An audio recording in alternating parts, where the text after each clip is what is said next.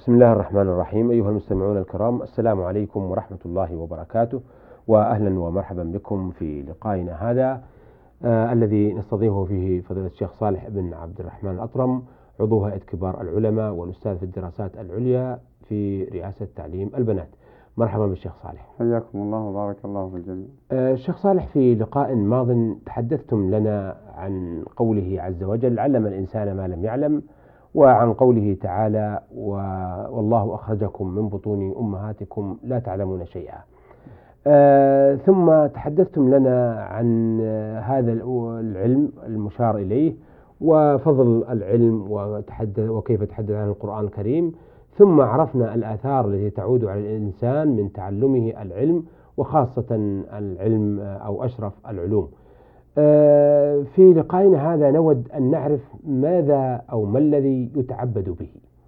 بسم الله الرحمن الرحيم. الحمد لله والصلاة والسلام على رسول الله وعلى آله وصحبه ومن اهتدى بهداه. الذي يتعبد به الإنسان ربه بالاعتقاد أي يعني بما يعتقده مما يجب عليه اعتقاده وبالأقوال بحيث لا يقول إلا ما وافق الشرع وبالأفعال بحيث لا يفعل إلا ما وافق شرع الله سبحانه وتعالى. فالحاصل أن التي يتعبد بها الأقوال والأفعال والاعتقاد. فلا يكفي واحد عن الآخر. نعم. نعم. إذا آه، نريد أن نعرف ما معنى العقيدة وما الفرق بينها وبين التوحيد. العقيدة مأخوذة من العقد وهو العزم الجازم والتصميم. والمراد هنا ما ينطوي عليها عقل الإنسان وقلبه آه، نحو الله سبحانه وتعالى. بمعنى أنه أن قلب أن قلب المؤمن يعقد على ما يجب لله من الأسماء الحسنى والصفات العليا. ويعقد عزمه على العمل بما أمره الله وعلى ترك ما نهاه الله. ويعقد ويصمم آه، قلبه على ألا يقول إلا ما أباح الله له قوله.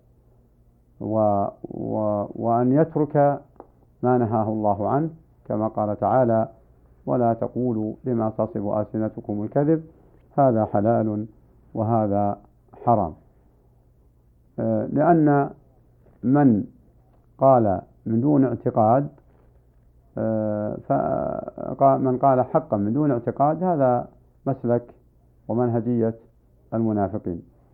ومن قال من دون آه، معرفة من دون أن يعتقد أن هذا آه، من دون أن يعرف ما يقول فهذا عمل الجهل. وعمل الجاهل لا يصلح حتى ولو وافق الشرع. ما دام لم يعرف أنه شرع فإنه لا ينفعه. وهكذا الفعل. لا بد أن يوافق فعله ما هو ما ما يصمم عليه قلبه. وما ينعقد عليه من أن هذا حق يرجو به ما عند الله أو أنه باطل مخالف به آه، شرع الله. أو كان جاهلا لا يعرف هل هو حق أو هو باطل ولا فإنه لا ينفعه لأنه لم لم يعقد عليه آه، قلبه آه، بالمعرفة. نعم. ما هي الوسيلة لإدراك أشرف العلوم؟ آه، الوسيلة لإدراك أشرف العلوم هي معرفة ما جاءت به الرسل. لأن الله قال يا أيها النبي إنا أرسلناك شاهدا ومبشرا ونذيرا. والله سبحانه وتعالى جعل للإنسان عقل وسمع وبصر لكن من المحال أن يدرك ما طلب منه من دون تعلم. كما قال تعالى والله أخرجكم من بطون أمهاتكم لا تعلمون شيئا وجعل لكم السمع والأبصار والأفئدة لعلكم تشكرون. فالوسيلة هو أن يعرف ما جاءت به الرسل وما بلغت به. ولهذا من لم تبلغه الرسالة فإنه قد يكون معذور. ما لم تبلغه الرسالة نهائيا نهائيا فإنه معذور. ومن بلغته الرسالة وعرف أن هناك رسل فإنه يجب عليه أن يتعلم ما جاءت به الرسل. رسلا مبشرين ومنذرين. ولا يمكن أن يتعلم من الله مباشرة من دون الرسل مهما كان. ومن اعتقد هذا كفر.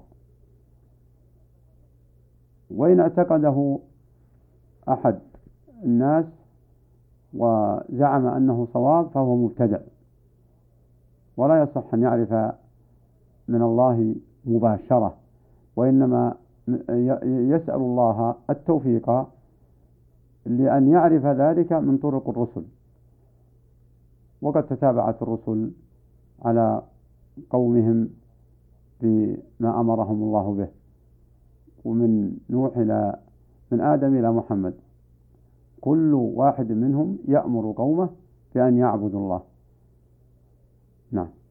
أه، هل معرفة ما جاءت به الرسل؟ نعم. أه، هل يعني دراسة كتبهم والاطلاع عليها؟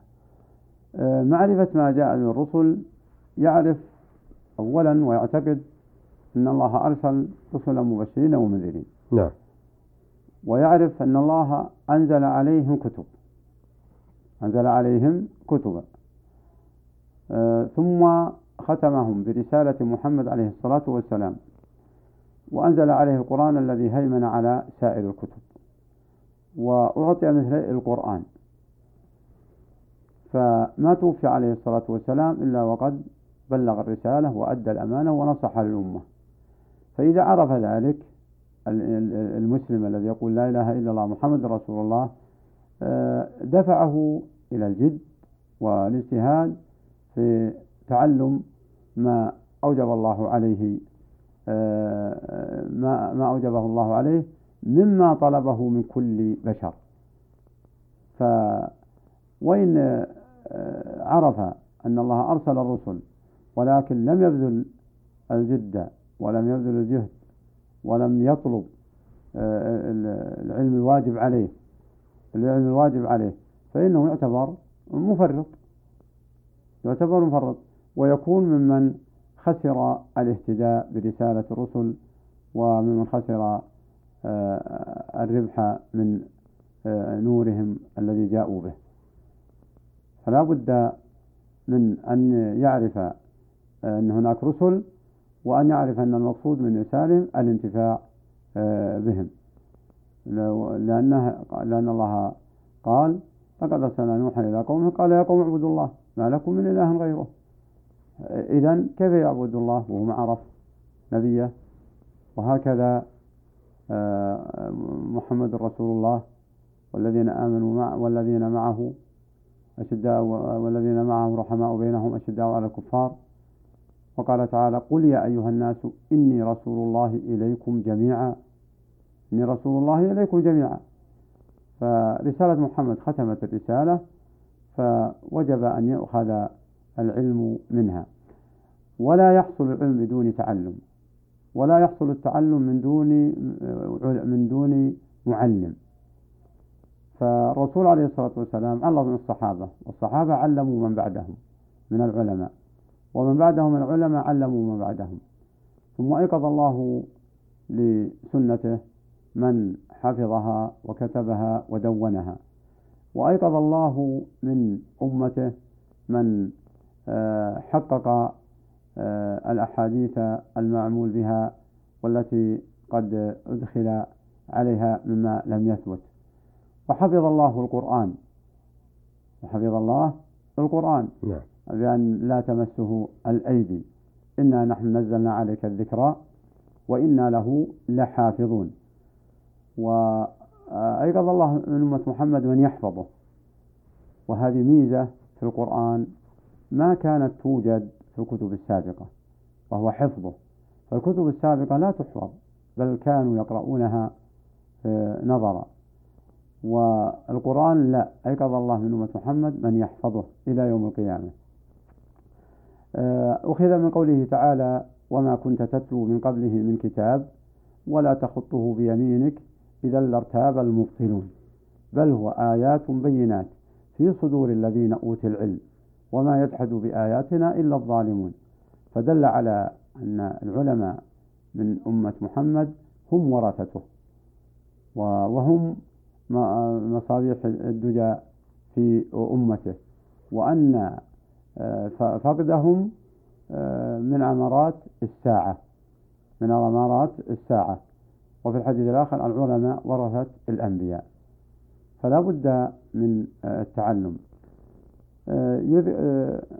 فيه قصة ذكرها أحد المفسرين على تشهد أو توضح مدى حفظ الله لكتابه أن شابا يهوديا دخل على المأمون.